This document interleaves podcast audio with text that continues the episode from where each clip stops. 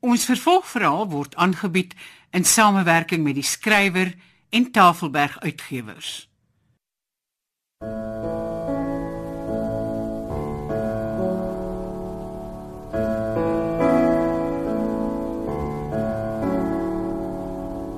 Die verdwyning van Mina Afrika deur Zurita Roos vir die radio verwerk deur Eben Kruiwagen.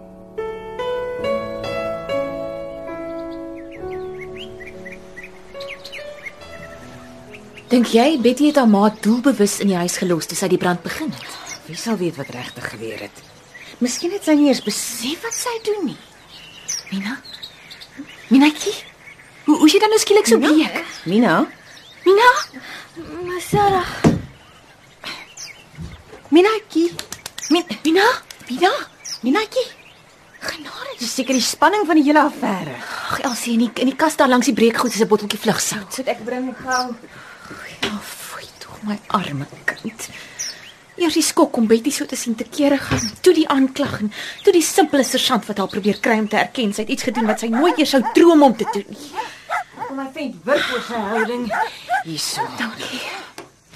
Mina, Mina, Minatjie. So ja my liefie. So ja. gee maar vir my die fliksout. Ek sal toe maar kan gaan wegsit. Dankie. Wat het gebeur? Masara, Alles is reg. Alles reg, hoor. Ek dink my kind het net 'n bietjie te veel ontsteltenis vir een dag gehad. en hoekom lê ek op die vloer? Ag, jy het flou geword. Flou. Ja, jou klein klits. Jy het ons laat skrik. Voel jy al 'n klein bietjie beter? Ja, dankie Masara. Ek's jammer. Nee, alle kragtie, dit wil ek nie hoor nie. Kom ek help jou op. Vat ek jou kamer toe om te gaan lê.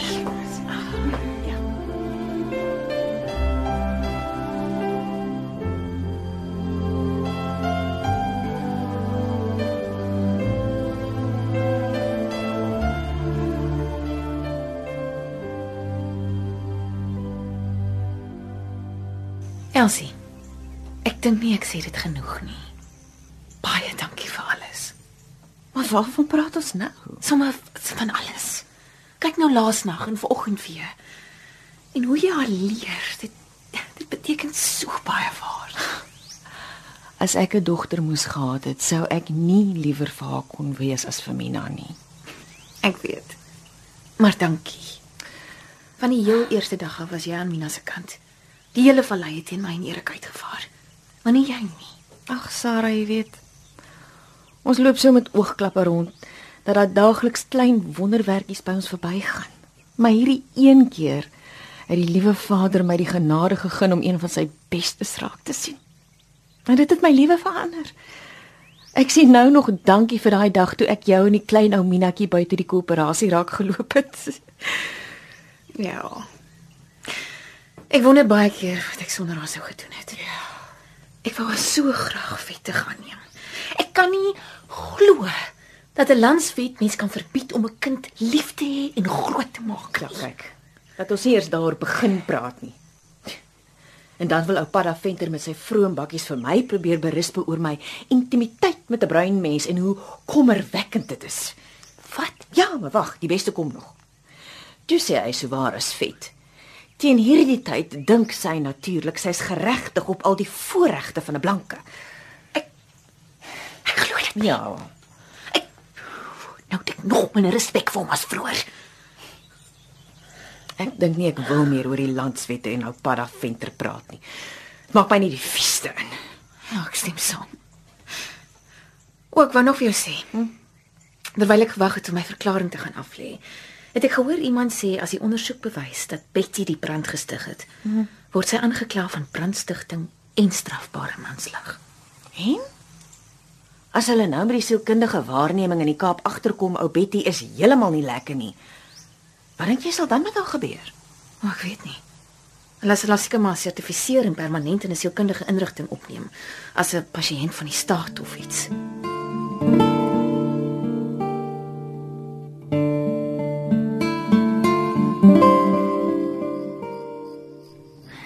Ek so bly jy het vir my kom kuier. Wel, as die bergie na Mohammed wil kom nie, dan moet Mohammed maar na die berg toe gaan.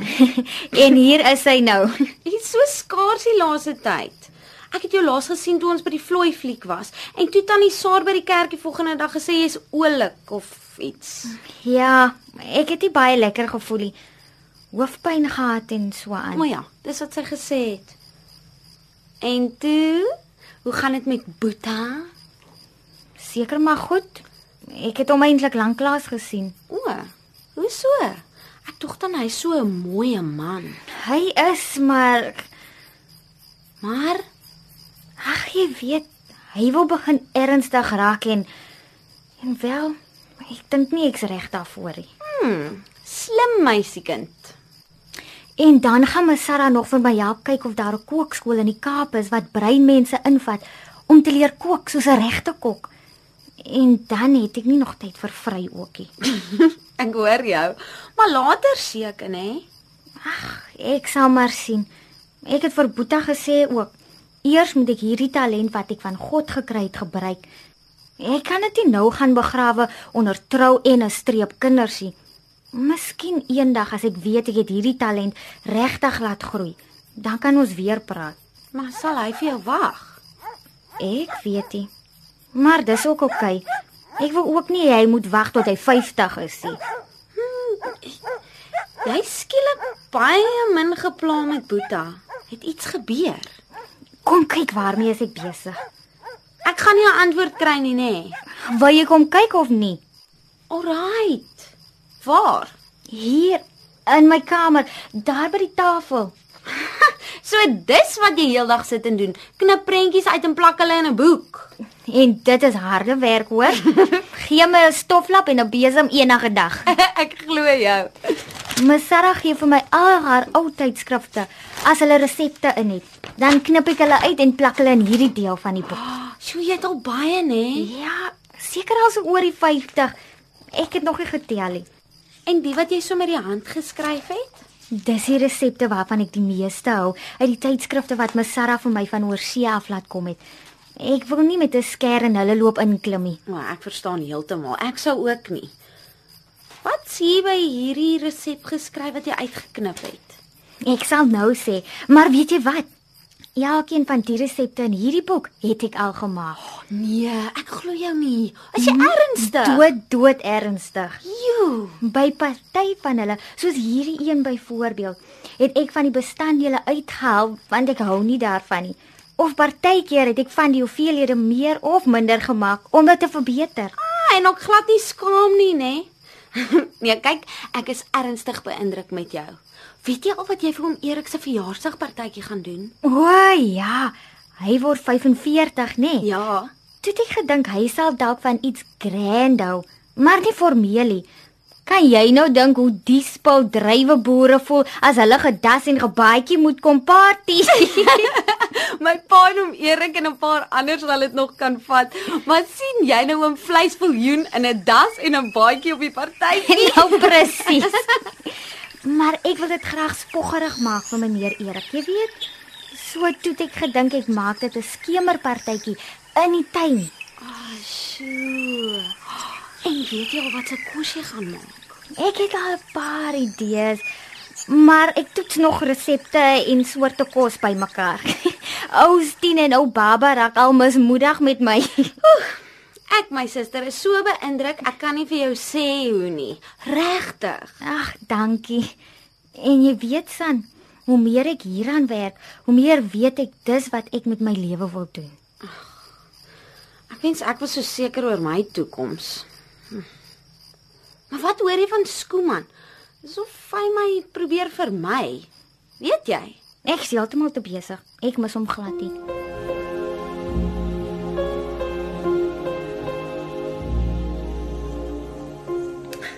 En hoe gaan dit met Mikkie se kelnerlesse, Mina? Nee, dit gaan baie goed met Sarah.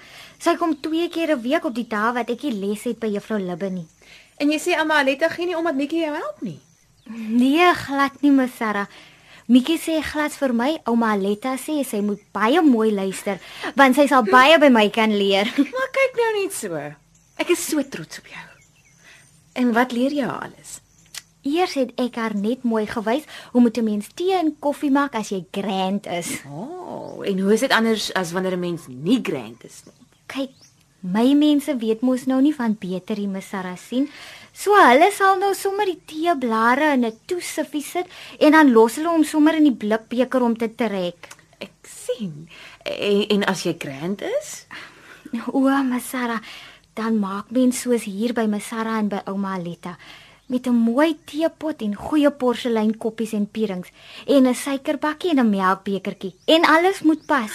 En koffie moet uit 'n ordentlike kan geskink word, nie uit 'n pot wat op 'n stoof staan en kookie. En die koppies en die pierings en die suikerpotjie en die melkbekertjie moet ook alles pas. En as daar iets geëet word, koek of tert of wat ook al, moet daar koekbordjies wees en dit moet ook pas. Alles moet pas. En daar moet teelepels wees om te roer en koekvurkies om mee te eet. Ja nee, ek kan sien hoekom ouma Aletta vir Mikkie sê sy kan baie by jou leer. En is dit al wat jy al geleer? Nee, my Sarah.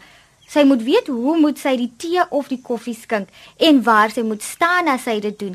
En soos vir meneer Erik se partytjie, moet sy weet wanneer om die kos uit te dra, hoe om die borde vir die gaste neer te sit aan tafel en vir wie eers en wanneer om op te ry en, en alles so aan.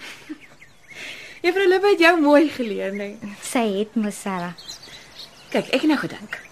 Dis groot werk die partytjie. Ek weet my Sarah, maar ek kan dit alles doen regtig. Ek weet jy kan, my skat. Ek wil jou maar net vir die eerste keer help en die tafels vir jou dek en versier. Mag ek maar? Ja, my Sarah mag maar, maar ek kan dit ook doen. Net omdat dit die eerste keer is. OK, my Sarah mag maar. En dankie vir jou. Dis my plesier. O, en meneer Erik sal paktafels van die skure stuur wat ons kan gebruik vir die gaste om by te sit. En hy sal vir al die drinkgoed sorg. En dit gaan baie wees. Ja, dit gaan. En luister Minetjie, My Sarah? jy kan self al jou voorrade aankoop. Meneer Erik sal vir jou iemand gee as hy nie self kan nie om vir jou die voorrade met die bakkie aan te ry huis. O, oh, sjoe, dankie my Sarah, baie Jy moet dankie. net boekhou van al jou aankope, hoor? Nie soos ou Mal Betty nie. en nou Minetjie, Wanneer gaan ek weet of hulle my wil my wil toesluit, my Sarah? seker hulle sou teen die tyd al iets gesê het as hulle gedink het jy skuldig. Sal jy gaan kyk wie's by die deur? Ja, my Sarah. Jy Mina Afrika. Wat sit Minetjie? O.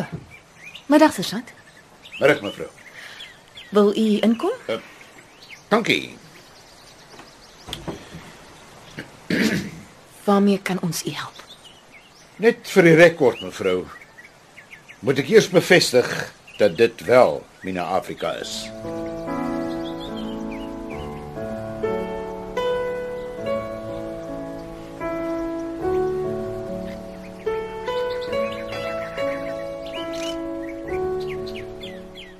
Dit was die verdwyning van Mina Afrika deur Zureta Roos, soos vir die radio verwerk deur Eben Kruiwagen. Dit is in Kaapstad opgevoer onder die spelleiding van Margot Luit met tegniese en akoestiese versorging deur Cassie Louws.